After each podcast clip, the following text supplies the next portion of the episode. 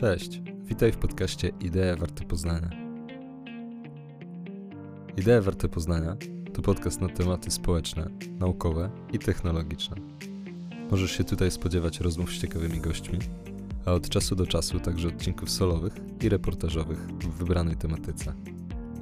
Nazywam się Filip Andrzejak i zapraszam Cię na podróż po ideach, które ukształtują naszą przyszłość. Odbędzie się w towarzystwie naukowców, badaczy, myślicieli oraz ekspertów z różnych dziedzin wiedzy.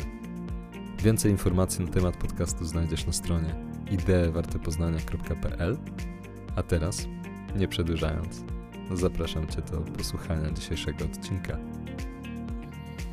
Panie Tomaszu, mamy globalne ocieplenie, które postępuje. Dane pokazują, że dzisiejszy klimat Warszawy jest podobny do tego, który miał Budapeszt w latach 70. XX wieku. Czy to oznacza, że warunki do produkcji wina w naszym kraju są coraz lepsze i czy to może oznaczać, że Polska za jakiś czas, może już za chwilę, stanie się winiarskim potentatem? To wszystko zależy trochę od nas, trochę nie od nas. Zobaczymy, czy to ocieplenie rzeczywiście tak będzie postępowało, jak klimatolodzy przewidują, bo to jest pierwsze, pierwsze pytanie i pierwsza zagadka. Więc jeśli tak, no to oczywiście pod tym kątem już jest fajnie w miarę, już coraz e, jakby to powiedzieć, więcej regionów sięga nie tylko po te hybrydowe czy, czy odmiany piwi, ale też po vitis vinifera, więc to pokazuje, że gdzieś tam jest, ale chyba czy my będziemy potęgą, to zależy przede wszystkim od ludzi, czy, czy, czy w to uwierzą i czy w to pójdą, a przede wszystkim oczywiście, czy w to zainwestują swój czas, życie i pieniądze. Patrząc na to, jak się generalnie branża rozwija, winiarska, jak my jako konsumenci, stabilnie dosyć od, od wielu, wielu lat, no to pozostaje mieć nadzieję, że tak będzie. Byłoby fajnie móc pojechać sobie coraz bliżej. No, ja mam najbliższą winnicę 20 km ode mnie, dwóżno, fajnie by było, jakby było ich więcej. No przecież rutyna może zrobić najlepsze uczucie, jak to mówię. No tak, tych winnic w okolicy myślę, że każdego z nas pojawia się powoli coraz więcej, także ja myślę, że to też sprawi, że większość ludzi zwróci na to uwagę e, i bardzo dobrze, bo to bardzo ciekawy temat. Ja jeszcze tak oficjalnie przedstawię, jest ze mną dzisiaj pan Tomasz Kolecki, sommelier, hydrosommelier, prezydent Stowarzyszenia Sommelierów Polskich, a także myślę, że tak możemy powiedzieć, znawca polskich win i też bywalec winnic. Dzień dobry, mam, mam nadzieję, że, że, że, tak jest. No, coś tam mi się wydaje, że, że, że widziałem, a czy, czy, to już wystarcza na znawcę, to nie wiem. Mhm. No, myślę, że tak, myślę, że tak. Jak najbardziej. Zanim sobie porozmawiamy o teraźniejszości czy o przyszłości, to może jeszcze chwilkę pomówmy o przeszłości. Tego, jak to w w tej Polsce w dawnych czasach wyglądało i w tych mniej dawnych, jeżeli chodzi o winiarstwo, o produkcję wina. Czy my mamy w ogóle winiarskie tradycje w naszym kraju? Mnóstwo, tak naprawdę, pod różnymi kątami, jako producenci, jako importerzy, jako konsumenci. E, oczywiście tutaj historia wina w Polsce, no to z czym się może łączyć? Z tym samym, co wszędzie, czyli z, e, jakby powiedzieć, z przybyciem in, cywilizacji zachodniej, tak, może w ten sposób, w naszym przypadku oczywiście. No i oczywiście pojawienie się tego, tych ludzi, którzy w tamtych czasach średniowiecza i trochę później głównie odpowiadali za postępy i, i też za konsumpcję w dużej, w dużej mierze, czyli różnego rodzaju duchowne osobistości. Chociaż gdzieś tam są jakieś wzmianki, że na Wawelu winorość już była w IX i X wieku, czyli może, może nawet przed. Natomiast oczywiście tutaj wiek XII, XI to jest ten główny moment, kiedy pojawiają się różnego rodzaju zakony. No i, i zaczynamy historię tak naprawdę. Zaczynają się pierwsze jakieś, e, że tak powiem, nadania, przywileje, e, przydziały tak, dla różnego rodzaju e, zakonów, czy to Wielkopolska, czy to Sandomierszczyzna, czy, czy, to, czy to Małopolska. Więc tak, no, historię mamy. Oczywiście późniejsze czasy to jest główny jakby boom. Mm, tak sobie próbujemy, to chyba takie trzy daty, to jest 14, 17, 19, no i potem jeszcze czwartą, XXI wiek. Każda z nich wniosła albo wyniosła coś z tej historii, ale tak naprawdę no, patrząc na, na, na, to, kiedy były najlepsze czasy, no to pod kątem produkcji oczywiście XIV wiek tutaj jest wymieniany w książkach historycznych jako ten główny czas. Natomiast też trzeba pamiętać o tym, że Polska była swego czasu milion kilometrów kwadratowych. Od morza do morza, jak to się mówiło. A więc e, nawet jeżeli to były no, swego rodzaju powiedzmy Unie czy, czy różne tego typu historie, no to byliśmy krajem producenckim, ale też byliśmy ogromnym konsumentem. Kto wie, czy jednym, jednym z większych na, na tamtym ówczesnym świecie, który znali wtedy. No tak, granice tutaj się zmieniały i warunki e, też do uprawy ziemi, doświadczenia. A co my teraz z tak perspektywy czasu możemy powiedzieć? Czy my coś wiemy na temat tego, jakie były te dawne wina? Czy my możemy coś w jakiś sposób wnioskować? Pewnie nie różniły się zasadniczo od tego, co robiono gdzie, gdzie indziej. Tym bardziej, że powiedzmy do XVII wieku, czyli do tego momentu, kiedy klimat się wychłodził, tak? I że to była ta pierwsza rzucona kłoda pod, pod tą historię na naszych terenach no to możemy założyć, że dzisiejsze wina pomarańczowe święciły triumfy i dosyć e, taniczne wina czerwone. Są jakieś tam próbowane, że tak powiem, e, próbuje się zidentyfikować, jakie to było winorośle tak, wtedy. I pamiętam, że jednym z większych zaskoczeń było, jak rozmawialiśmy ładnych parę lat temu z winiarzami z Małopolskiego Przełomu Wisły i się okazało, że w okolicach Kazimierza mm, odkopano no, takie powiedzmy z tamtych czasów mniej więcej E, znaleziska winiarskie i dwie odmiany, które zidentyfiko, zidentyfikowano wtedy. To było duże zaskoczenie. Czerwona może mniejsza, bo to był Blau Frankisz, który, który znamy rzeczywiście w tej naszej części Europy się świetnie czuje, plus minus. Ale białym to było Chasselas, które raczej kojarzymy z, ze Szwajcarią i tamtego, że powiem, rejonu, re, regionami, nie tylko, nie tylko szwajcarskimi. Więc e, jakie były? pewnie takie jak wszystkie wtedy. Powiedzmy, że odmienne od, od, od, tych, które dzisiaj znamy, ale ta, takie, do których dzisiaj wracamy. Tak, no może w ten sposób. No dobrze, to może o tych, tej dalszej historii na dzisiaj e, starczy, ale ja chciałem spytać o jeszcze jeden taki okres historyczny. Co się w Polsce stało po II wojnie światowej i w ogóle w okresie PRL-u, jeżeli chodzi o tą branżę? Bo tutaj wydaje mi się, że chyba jakiś taki wielki upadek nastąpił. Znaczy, mieliśmy jakieś tam e, próby odbudowania, bo pamiętamy, że przełom XIX-XX mm, wieku to już było taki trochę, nawet można powiedzieć, że złoty moment dla polskiego winiarstwa, w cudzysłowie dzisiejszych terenów, tak? czyli Zielona Góra głównie. Mhm. Wtedy generalnie nowe regiony powstawały, gdzie końcówka XIX wieku, Mołdawia chociażby też była jakby jednym z tych, którzy e, zyskali w tamtych czasach. Oczywiście tu chodzi o filokserę i znikanie winorośli, tralala. Natomiast y, myśmy potem próbowali jakoś tam hmm, odbudować to winiarstwo przed wojną. Powiedzmy, że szło jak szło. Po wojnie gdzieś te powiedzmy historie przedwojenne jeszcze były. Tu głównie oczywiście dzisiejsze tereny Zielonej Góry, ale też Warka chociażby. No i Warka jak mocno się rozwinęła w temacie winiarskim, e, firma Warwin, to do dzisiaj dobrze wszyscy to wiemy, niekoniecznie kojarzymy z winem gronowym. A w Zielonej Górze chyba ostatnie winnice, jak tak rozmawiałem z lokalsami i z ludźmi, którzy się interesują e, historią tamtej, tamtych ziem, chociażby Krzysiu Fedorowicz, nasz nieoceniony, ale nie tylko, chociażby naczelny, czyli Darek, e, Jezus Maria, a zaraz sobie przypomnę, były wtedy ówczesne Gazety Lubuskiej, zaraz sobie przypomnę, Człowiek Encyklopedia w ogóle, to przy okazji kręcenia filmu Polska Toskania, tak Oczywiście w tytuł zaraz tutaj wybrzmi pewnie mocno w wielu uszach. Natomiast y, mm, tam ostatnie winnice, takie po, po niemieckie, powiedzmy, jeszcze w latach 60. I ludzie rzeczywiście jeszcze tym winem tam się próbowali bawić na takie swoje prywatne jakieś tam możliwości, warunki, no, ale już w latach 60. elegancko zaorano ostatnie ślady działalności. I to byłoby, byłoby na tyle, jeżeli chodzi o próbę odbudowania też klimat trzeba pamiętać i pod każdym jednym możliwym względem jakby no, nie stawiał na to. Pamiętajmy że też, że w tamtych czasach inne kraje w naszym bloku e, były przeznaczone do tego, żeby dostarczać wino, tak? E, czy, czy cały Kaukaz, czy, czy chociażby Mołdawia i, i Ukraina, no, to oni mieli za zadanie dostarczać e, wina i Bułgaria, no, a myśmy mieli dostarczać innych walorów. No tak, no tak. No i tak mamy, jesteśmy potęgą rolniczą i byliśmy potęgą rolniczą i ta produkcja u nas jest bardzo duża, natomiast ten temat trochę upadł. No dobrze, a co się stało później po transformacji w latach 90.?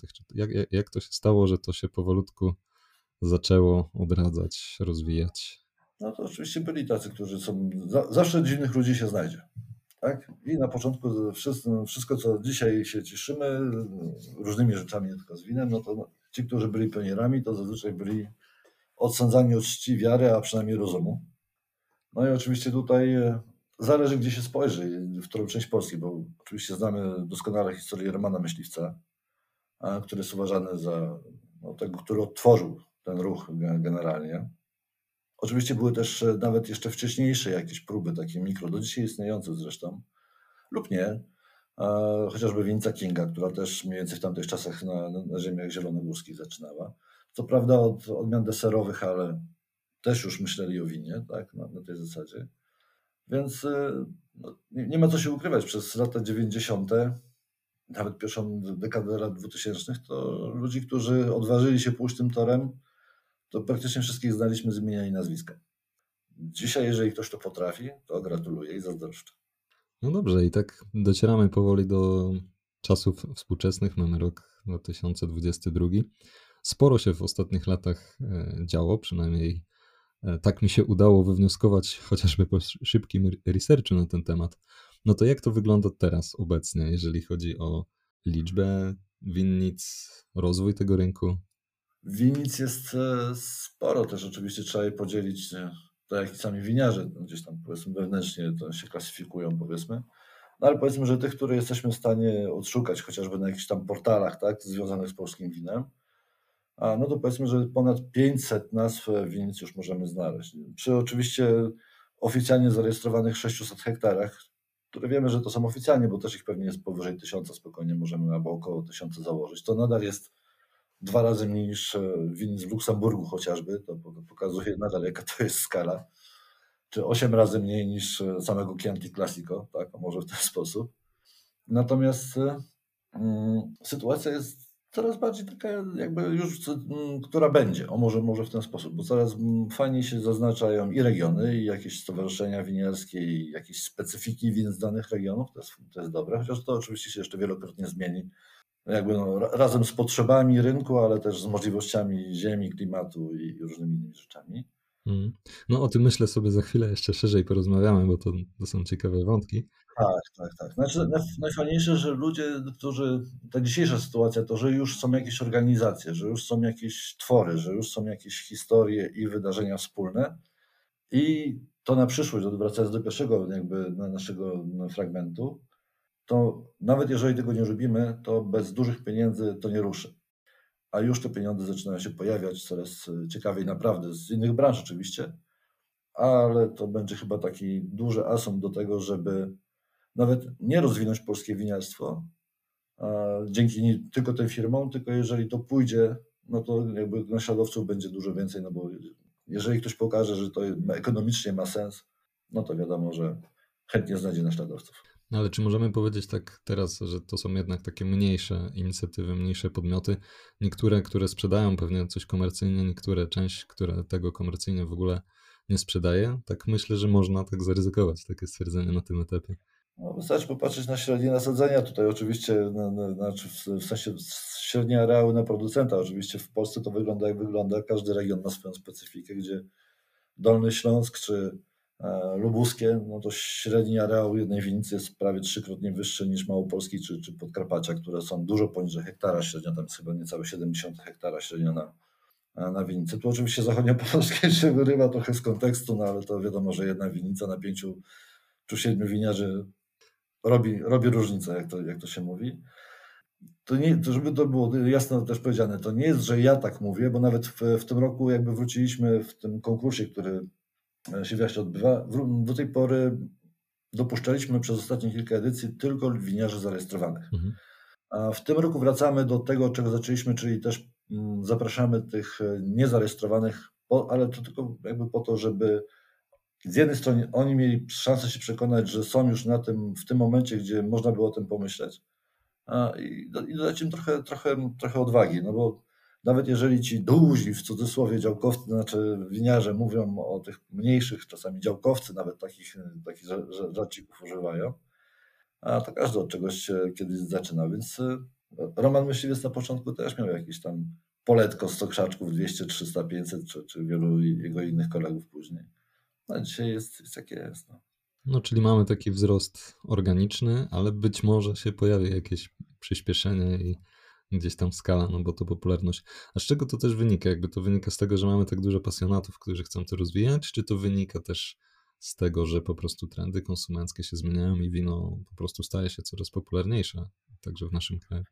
No, to, to, to ostatnie na pewno jest bardzo ważne, bo większość producentów to są byli konsumenci, albo byli aktualni konsumenci. Więc e, ta kultura wina do nas już przyszła na różne sposoby, bo my jeździliśmy tam, bo ona przyjechała do nas, bo, bo się uczymy, bo chętnie jakby sięgamy po takie wzorce. Też zrozumieliśmy, i to po raz kolejny powtórzę, że żaden inny alkohol przy całym szacunku dla wszystkich alkoholi, bo to wszystkie są w gestii za, za, zainteresowań zawodowych. Wino jest najbardziej socjalizującym alkoholem od samego początku. Przy butelce wina się siadało dużą grupą, małą grupą i się miło spędzało czas i, i wino nie było powodem, tylko było tłem tej miłej, tej miłej chwili, pretekstem, to jak gdzieś tam ostatnio udało mi się ładnie to określić, tak mi się wydaje. Więc e, będziemy, będziemy rośli dosyć, e, jakby to powiedzieć, chyba główny asumpt będzie związany z tym, że mm, jednak te areały, nawet już dzisiaj wiemy, że, że ludzie, którzy jeszcze niedawno bawili się w totalnie inne zabawy, i nie mówię o naprawdę wielkich pieniądzach, tylko o ludziach, którzy no, już żyją spokojnie, tak? Że oni mm, nie przestając nawet, nie, nie rzucając tej poprzedniej swojej, swojej drogi, no to pokazuje, jakie areały w tej chwili wiemy, że będą, że już weszły w ostatnich latach, tak? Gdzie te kilkuhektarowych takich winnic to było mm, a wiemy, że już kolejne rosną i wiemy, że nie tylko kilkuhektarowe. A więc e, oczywiście to trochę jak z polskim rynkiem. Jak, jak zaczynałem, to piliśmy średnio niecałe 2 litry wina na głowę. Teraz no to te szacunki są różne, zależy kto mierzy i która agencja miała zapłacone. I czy się mierzy z, z importu, czy z paragonów i różne, no wiadomo.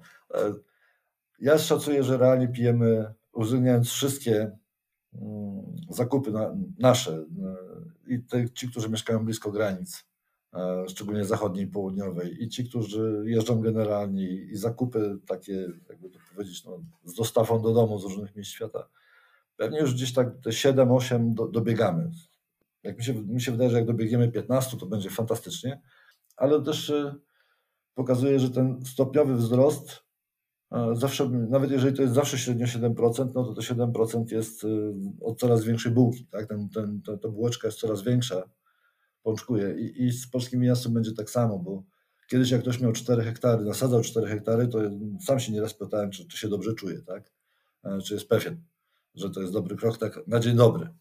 Teraz takich e, areałów, no to, znaczy to, to też pokazuje, że mm, trochę się zmieniamy, znaczy tak o tym zapominamy. To nasze państwo, tak, które Powiedzmy, że jeszcze niedawno od polskich winiarzy wymagało dokładnie przejścia tych samych procedur, co od polskich importerów wina chociażby, tak? A jednak gdzieś tam małe kroczki, małe osoby, znaczy małe, duże osoby lokalnie, które są gdzieś tam powiedzmy u władzy samorządowo, czy, czy, czy nie tylko, to pokazuje, że generalnie ten klimat robi się coraz ciekawszy i, i politycznie, i, i, i urzędowo. Już nie ma pani Krysi Sanepidu, która prosi o próbkę wody winiarza, tak? Do, który używa do robienia wina. Legendarnej, która była jeszcze 15 lat temu, czy 20. Były, były takie historie. To, to, to, jest akurat anegdota prawdziwa. To... Ale dużo mówiąca. Więc, e, no i też ten klimat biznesowy. Tutaj nasi, mm, no my podróżujemy bardzo dużo, jak na takie społeczeństwo. My w ogóle wydajemy dużo pieniędzy na rzeczy, które przy naszym portfelu sile nabywcze, wydawałoby się, że nie będziemy na, jakby no, iść w tym kierunku, a, a, wydajemy najwięcej na suplementy w całej Unii Europejskiej średnio na głowę, tak, powiedzmy, że żywienia, jakieś tam zdrowia, ale z drugiej strony też bardzo, bardzo dużo, że tak powiem, podróżujemy, uczymy się, patrzymy i nabieramy odwagi i tak e, wino staje się wśród tych, których jakby stać na to, żeby wnieść ten znaczący krok do rozwoju winiarstwa staje się modne nie pod kątem bycia konsumentem już, tylko pod kątem bycia tym, który zaprasza. Tak, czyli mamy tutaj przejście na taki wyższy level, jeżeli chodzi o to powiązanie z winem. Nawet jeżeli jest to związane tylko z jakimiś tam powiedzmy własnymi ambicjami czy próżnością, tak było i tak będzie na całym świecie zawsze. No tak, no ale to mm, też myślę, że zmienia chyba dużo jeżeli chodzi o ten rynek, z tego względu, że no jednak odwiedzenie, też możliwość tego, że się pojawiały takie możliwości odwiedzenia e, winnicy, porozmawiania e, z właścicielami, porozmawiania z producentem, spróbowania tam wina na miejscu, to jednak jest zupełnie inne doświadczenie niż po prostu pójście do supermarketu, kupienie wina i wypicie go w domu. Także to też myślę, że tutaj kwestie turystyczno, takie doświadczeniowe też będą wchodzić w grę. Znaczy to jest y, z mojej, znaczy z perspektywy tego, o czym mówimy, to chyba nie było lepszego wydarzenia w historii jak pandemia, lockdowny, brak możliwości podróżowania i to dla, dla obydwu stron. Bo pamiętam, że wcześniej winiarze, a tam no, turystyka, no może ktoś padnie, to ja mam sklepik, a coś tam, a coś tam. Ludzie, a polskie winnice przecież to zawsze są pod ręką, to może sobie tam pojedziemy przy okazji, albo jakieś tam firmowe spotkanie zrobimy, będzie wesoło, tak? I w ciągu tak naprawdę roku, no bo teraz już to, to jest kolejny rok, który to trwa, ale w ciągu roku jedni drugich tak szybko się nauczyli, tak szybko się dogadali i tak szybko przygotowali się jedni na drugich, że pewnie gdyby nie ta sytuacja, to zajęłoby bardzo dużo czasu. Nie wiem jak dużo, ale podejrzewam, że bardzo, bardzo dużo. Tak, to był taki impuls do tego, żeby, że czasem spojrzeć blisko siebie i też można znaleźć niezłe skarby. Nie trzeba koniecznie wybierać się do Włoch, y, Francji czy Hiszpanii. No dobrze, jak już jesteśmy przy tych terenach, ja myślę, miałem, miałem, chciałem na pewno zapytać o re, regiony, w których y, to wino się produkuje u nas, to jaki jest też potencjał produkcji. E, gdzieś tam padły już trzy takie chyba główne nazwy, czyli lubuskie, podkarpackie i Małopolska, zdaje się, tak? Jeśli dobrze pamiętam, gdzieś tam to, to, to już padło. Czy to faktycznie te trzy regiony to zależy jak spojrzeć, bo tak naprawdę to, no, znaczy, te regiony są ważne. Powiedzmy, że zależy kto, jak spojrzymy na tę mapę, czy przez y, stowarzyszenia winiarzy, które, które istnieją, czy przez jakieś rejestracje. No to oczywiście tak na, na, dobrą sprawę to chyba w każdym województwie w Polsce znajdziemy w tej chwili winnicę, przynajmniej jedną, tak? Są tacy ludzie, którzy są odważni, pamiętam kiedyś a, spotkałem znajomych i mówię, Panie Tomku, my mamy sporo ziemi na Lubelszczyźnie, tak fajnie tego, to może byśmy tam otworzyli winnicę, założyli Mówię, to wiecie co? Mówię was z takim jednym i on wam powie. No i umówiłem oczywiście z Krzysiem Górką, no bo z kim?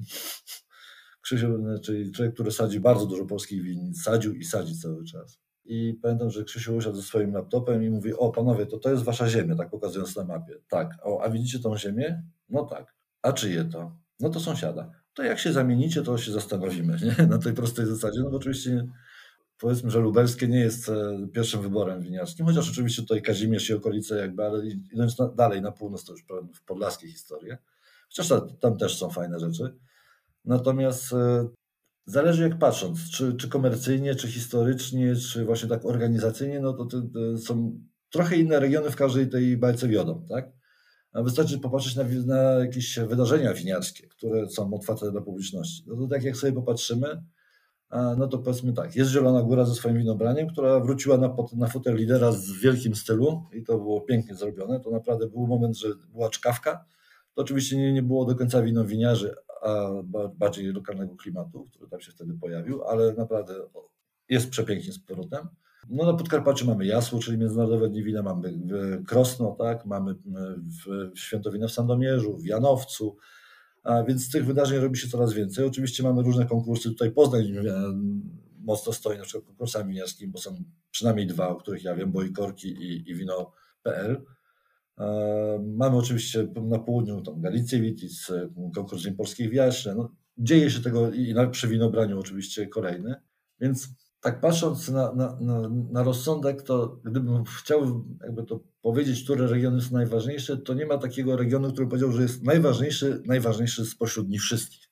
Na, na pewno warto tutaj jakby przy, przyklasnąć Lubuskiemu za to, jak oni razem to wszystko tworzą. Generalnie, od polityków przez samorządowców do winiarzy, bo to, tak naprawdę to pokazuje, że da się, tak?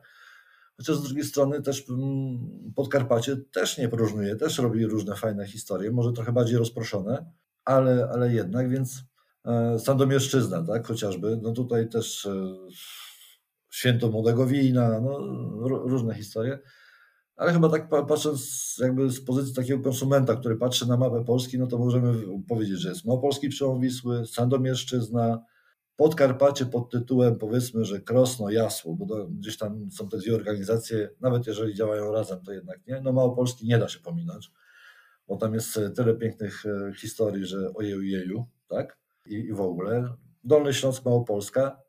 No czekamy na, na, na Śląsk i, i, i Wielkopolskę, na, żeby, żeby no, i zachodnie, no zachodnie Pomorze to pewnie wiadomo, to możemy na chwilę zostawić. Natomiast myślę, że Śląski Wielkopolska, może Mazowieckie, ale śmiem, że wątpię na razie.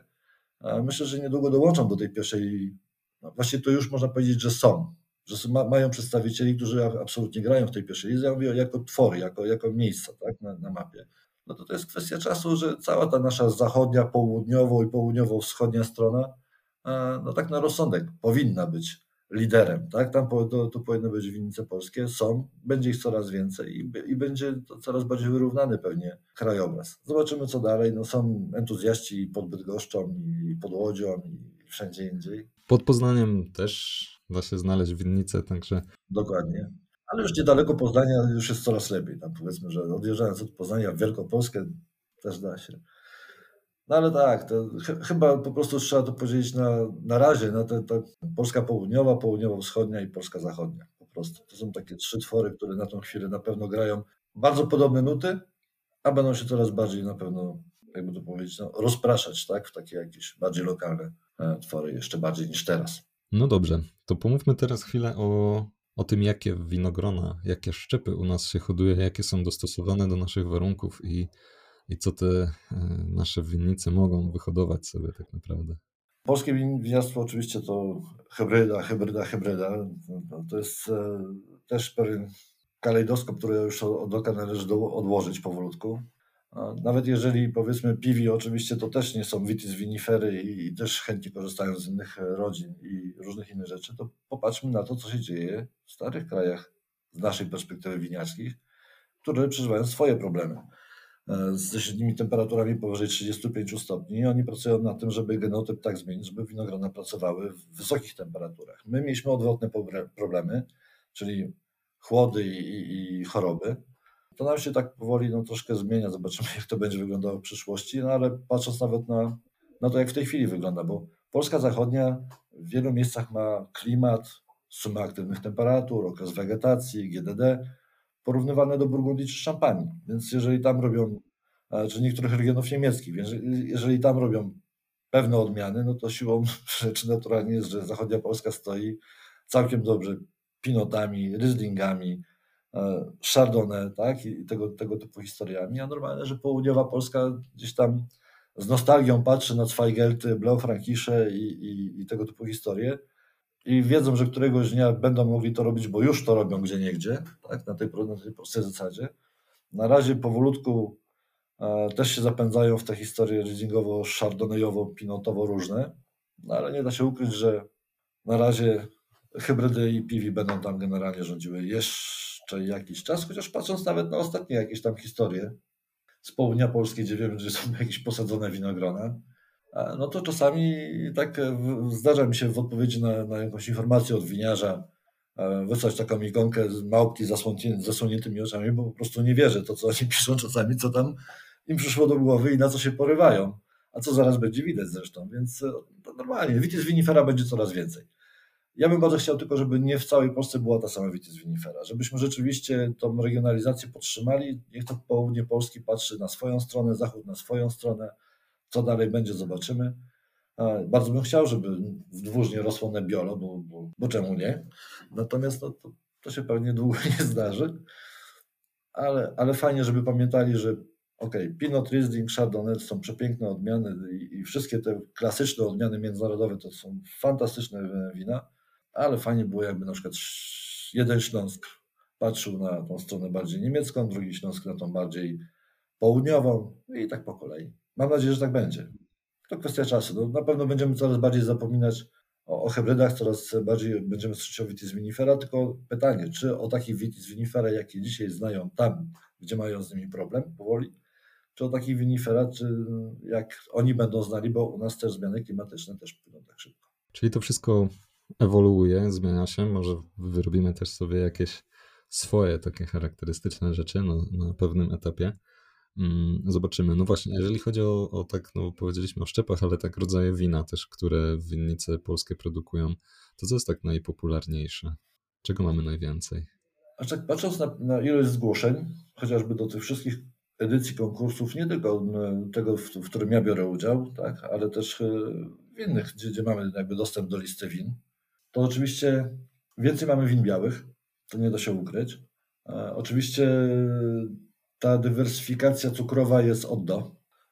Chociaż fajnie, że coraz więcej jest win wytrawnych lub półwytrawnych, bo to one dominują na tą chwilę całą zabawę. To też pokazuje nie tylko gust konsumentów, znaczy samych winiarzy, ale gust konsumentów, no bo komuś to jednak trzeba na końcu no, otworzyć.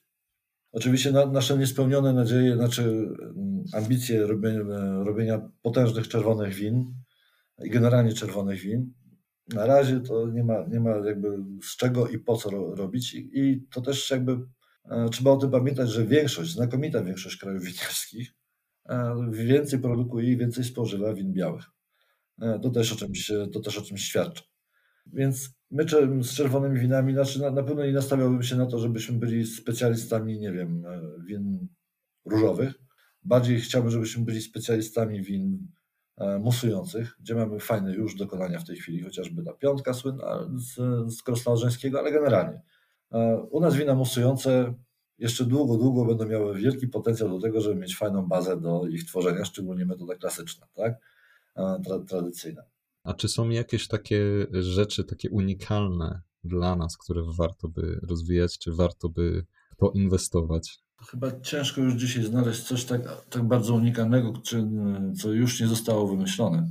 Raczej kwestia, żebyśmy sobie wybierali z tego, co już zostało wymyślone, to co dla, dla nas tak, pasuje najbardziej, nie w kwestii polskiej, tylko w kwestii danego winiarza. Ja się bardzo cieszę na przykład, że są właśnie tacy, którzy idą zgodnie z, że tak powiem, z, z, aktualną konwencją, tak, stalnie rdzewna, kontrola, wszystko tralala, super, bo, bo takich win, takich win najwięcej chcemy. To, to jest wino, które ludzie rozumieją jako wino w większości przypadków. Zanim dotrą do tych nisz, dla których są ci wszyscy, którzy, nie wiem, e, używają kwewri, robią wina biodynamiczne, pomarańczowe, takie, różne, chociażby nawet e, z ciekawszych technik, no, której mocno kibicuję w Polsce, a na, na, na którą ciężko namówić, to jest oczywiście delikatnie pod, podsuszanie winogron pod wina czerwone przede wszystkim. Tak? Pojawiają się u nas pierwiostki e, win fajnych, słodkich, tak? próżne zbiory, tego typu historie, gdzie jak się spojrzy, no to te pierwsze przymiarki do polskich win słodkich to były w większości wina likierowe. Tak? Nawet Roman Myśliwiec z nich słynął, jego słynne medalowe wina, to w większości były e, wina likierowe, więc e, wzmacniane generalnie.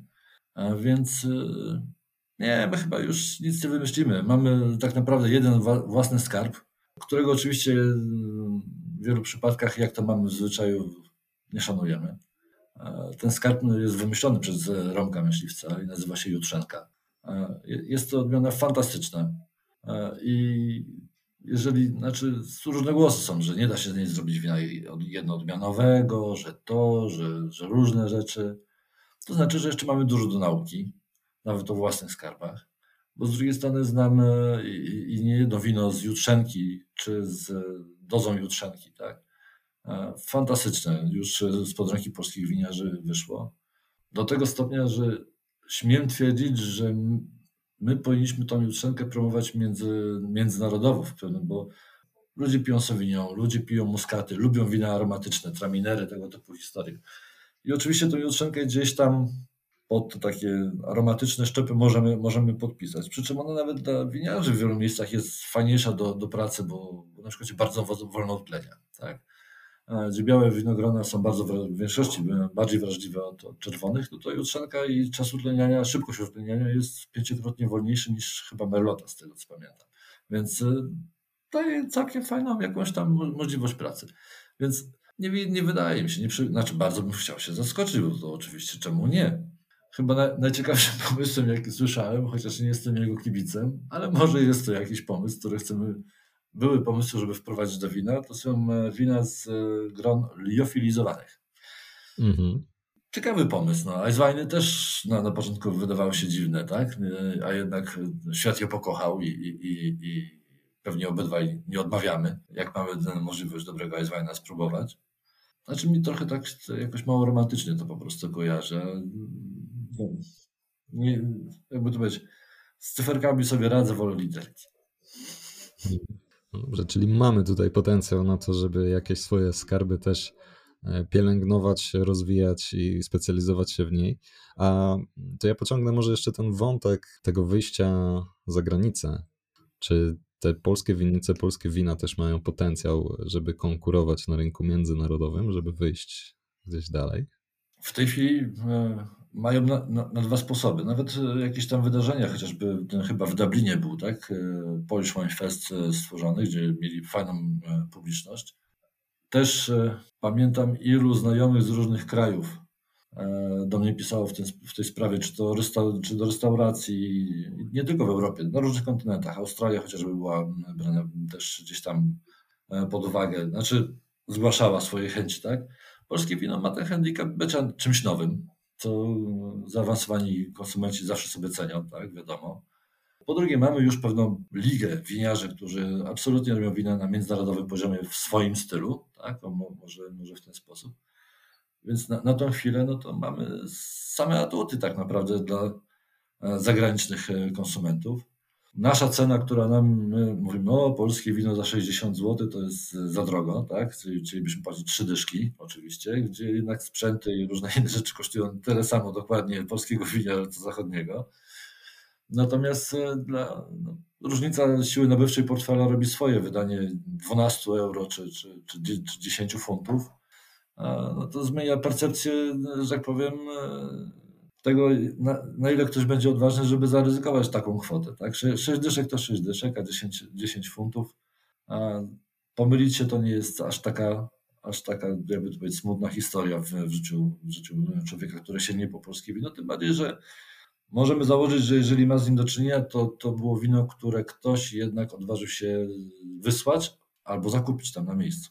I, i dla mnie to jest właśnie takim kolejny moment, który, który, o którym rozmawiałem z jednym polskim winiarzem i były nawet jakieś chęci, możliwości i deklaracje. Stanęło na tym, na czym stanęło na tą chwilę, a może w ten sposób.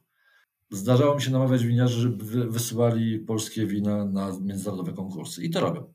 Dekanter chociażby, tak? Super, bo przy całym szacunku dla nas wszystkich, bo też jestem Polakiem, e, my bardzo lubimy wierzyć w to, co nam się powie z zewnątrz.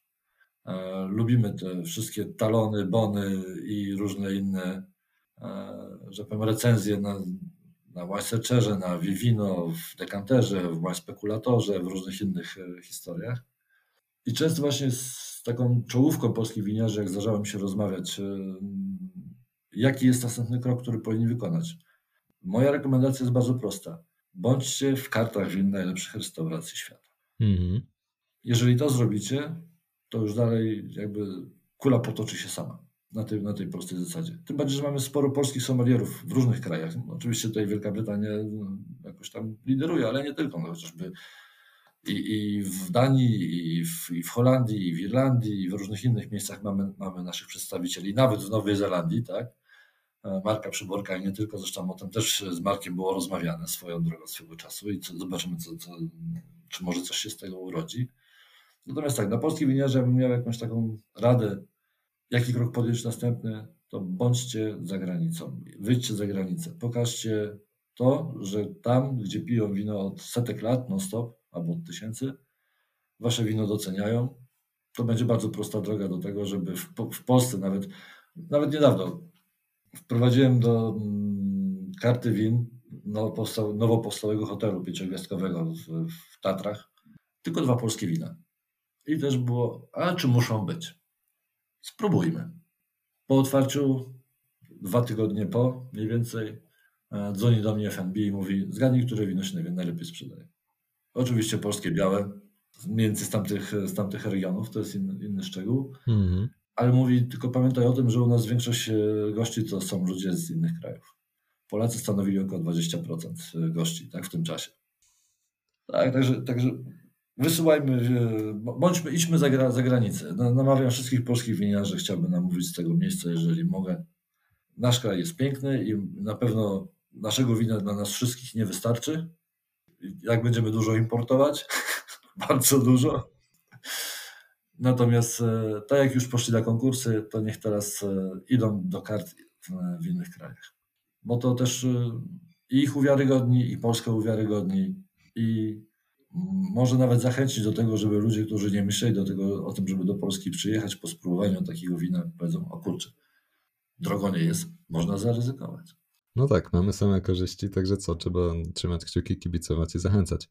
A spytam jeszcze tak z perspektywy już konsumenta tutaj polskiego i podejścia do polskiego wina, to jak wybrać dobre wino? Jak wybrać wino, żeby było dobre, to polskie? Czy są tu jakieś wskazówki, którymi powinniśmy się kierować? Na szczęście żyjemy w dobie internetu, to po pierwsze primo. A więc te wszystkie aplikacje, informacje, linki social media i różne inne rzeczy, to jest oręż, z którym nikt wcześniej przed nami nie, nie, nie mógł sobie, że tak powiem, pozwolić na ruszanie do bitwy. I w większości przypadków ta, ta informacja jest. A jak ktoś nie używa e, telefonu z internetem, no to zawsze trzeba oczywiście zapytać tego, kto to wino proponuje, albo towarzyszy, czy już mieli z nim do czynienia. Nie, no dzisiaj mówmy się. Dzisiaj, jeżeli ktoś się trafi na wino, które mu nie pasuje, to znaczy, że źle przeczytał wszystkie dostępne informacje. Mm. I jeżeli ma pretensje do kogoś, to nie ma pretensji do telefonu. A czy to też wiadomo, że trzeba bardzo selektywnie podchodzić do tego, co się czyta, ale mówmy się, źródeł informacji, czy o polskim winie, czy o każdym winie z zagranicy, jak się chce, to się znajdzie takie naprawdę w miarę solidne i powtarzalne bez żadnego problemu. Nie będziemy to wymieniać, bo i tak o, o wszystkich większości tych najbardziej znanych wiemy, więc. No pewnie można się przejść też do jakiejś dobrej restauracji albo wine baru, który ma polskie wina i porozmawiać z sommelierem, to też pewnie, pewnie pomoże. Z sommelierem, ze sprzedawcą. Fajnie, że tych polskich win jest coraz więcej. Pamiętam, jak pierwsze wina polskie to były wina od Basi i Marcina Puchockich. Stały w nieistniejącym już winaresie na Bednarskiej piękny projekt. Tam zresztą zaczynał, znaczy zaczynał, zaczynali z, ze Sławkiem Chrzczonowiczem w składzie i z braćmi Bester, Jankiem i Łukaszem. No, naprawdę była fajna ekipa. I oni jak wprowadzali, pamiętam, e, wina z Puchockich, jeszcze z Glinika, jeszcze z, z Podkarpacia, to ludzie chodzili i tak patrzyli, czy to nie, nie poradzi prądem albo nie, nie wybuchnie, nie otruje, tak? E, i goście, i, i, pracownicy też nie do końca wiedzieli, co z tym robić. Dzisiaj, jak się wejdzie do jakiegokolwiek sklepu winiarskiego, a znamy, znamy takie projekty, które w ogóle skupią się tylko na polskim winie, czy restauracyjne, czy, czy sklepowe, i to czy, czy chociażby poświęcają dużą, dużą uwagę. Tak? Więc e, ludzi, którzy. Wystarczy popatrzeć, ilu ludzi się przewinęło przez konkursy winiarskie e, polskich win bo tak, czy to jest konkurs poznański, czy zielonogórski, czy jasielski, czy, czy każdy inny, to oczywiście ma jakąś e, stałą ekipę, która no, w takim czy innym stopniu zazwyczaj się pojawia, ale zawsze wokół nich pojawia się jakoś tam powiedzmy cyklicznie lub jednorazowo cały czas nowe osoby. To już są setki osób, które miały jakieś tam doświadczenia z polskim winem raz, dwa, trzy, pięć, osiem, dziesięć z, z dużym przeglądem może w ten sposób. Więc e, nie sądzę, żebyśmy nawet, e, no może, dobra, ale nie będę wymieniał, ale generalnie zakładam, że w, w Polsce nie ma takiego większego miasta, gdzie, gdzie, nie ma człowieka, który miał do czynienia z jednym z konkursów winiarskich miał możliwość jakiś kalejdoskop wrażeń uzyskać i przede wszystkim informacje od tych, którzy, którzy już tam byli po raz kolejny. No i jeszcze pewnie trzecia opcja to wyszukać jakąś winnicę, która jest najbliżej, wybrać się i... Tym bardziej te dystanse są coraz krótsze. Tak, dystanse są, są coraz krótsze. Myślę, że też można fantastycznie poznać e, i historię, i ludzi, którzy za tym stoją, i to miejsce to, to też zupełnie zmienia odbiór. O tak, z własnego doświadczenia powiem tak. E, swego czasu otwierałem restaurację i chciałem mieć polskiego winiarza. Zadzwoniłem do jednego z kolegów, którzy wiedzieli już więcej wtedy o polskim winie, jednego z naszych czołowych dziennikarzy i zapytałem, jak nie Roman albo właśnie Basia, to kto? mówi, ja bym zadzwonił do Wiktora Szpaka, czyli winnica Jasiel. A że akurat mo, mojej przyszłej wtedy teściowej, e, moja przyszła teściowa wtedy wyprowadziła się na Podkarpacie, no to było też w miarę łatwo pojechać tam tą stronę, tak mimo wszystko, że będzie gdzie się zatrzymać, tak? No nic, no, suma summarum skończyło się tak, że nasz ślub mój, mój, mojej szanownej małżonki odbył się w Jaśle, a wesele w winnicy Jasiel. tak, tak dobre historie powstają. No dobrze, to może jeszcze na koniec y, spytam już tak o, o Pana preferencje, czy jakieś ulubione polskie wino, ulubiony rodzaj polskiego wina? Znaczy tak, jednego to nie wymienię, ale mogę powiedzieć, którym bardzo kibicuję i po które naj, najczęściej sięgam mhm. z polskich win. Polskie musiaki naprawdę uwielbiam i tutaj można się już mocno wyhasać. Na pewno nie ma, nie ma szansy na, na, na monotonię. E, Tak, lubię polskie winifery, szczególnie oczywiście Pinota i, i Rieslinga. Bardzo lubię dobrze wykonane polskie Solarisy i wina z, z jutrzenką wśród białych. A mm, to, co jakby tak e, najbardziej mi chyba jeszcze gdzieś tam w duszy gra, jakbym miał powiedzieć, polskich win, to uwielbiam. To chyba nawet ostatni konkurs, który się odbył w, w Jaśle, pokazał bardzo fajnie. Dwa pierwsze miejsca zajęły dwie winnice z dwóch regionów e, Śląski, Małopolska i obydwie zaproponowały dwa przepiękne, cudowne, zwiewne, powietrzne, chrupkie, czerwone klarety, takie, takie lekkie, czerwone, fajne wina, oparte na Rondo i Regent i na Rondo i, i Cabernet Cortis. Takich polskich win chcę móc kupować więcej. Naprawdę to, to uważam, że to jest przyszłość polskiego wina. Przede wszystkim są to wina, których można użyć w, w, w restauracji od do, tak? Wiadomo, są wina bardzo gastronomiczne, bo ten element taniny nie muszą być czarne, bo polski konsument lubi wina czarne, znaczy wina czerwone jak są czarne i bez taniny. Ale polski konsument, który chodzi do restauracji lub interesuje się winem i chce do, do jedzenia, a tego wina jest polskiego tyle, że nawet dla nich nie wystarczy, lubi wino czerwone do jedzenia. Lubi wino, które daje mówić, lubi wino, które daje energię, lubi wino, które nie demoluje i nie kłóci się z tym, co ma na stole. Więc chciałbym, żeby takich win było, no, nie bez kozery pinoty lubię chociażby, tak? W domu generalnie pinota się pije najwięcej z czerwonej winy Nebbiolo, ale my generalnie sięgamy po tego typu odmiany najchętniej, nie tylko oczywiście, no bo i Amarone zdarzy nam się przewrócić, tak? Na różne rzeczy.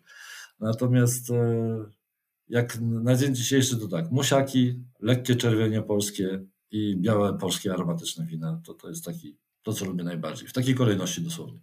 Super. No ale chyba mamy już tego mm, tyle, że jak ktoś będzie chciał spróbować, to znajdzie coś też pod swój gust, dobrze szukając po polskich winnicach. Możemy się założyć, że, że tak, że uda mu się. Super.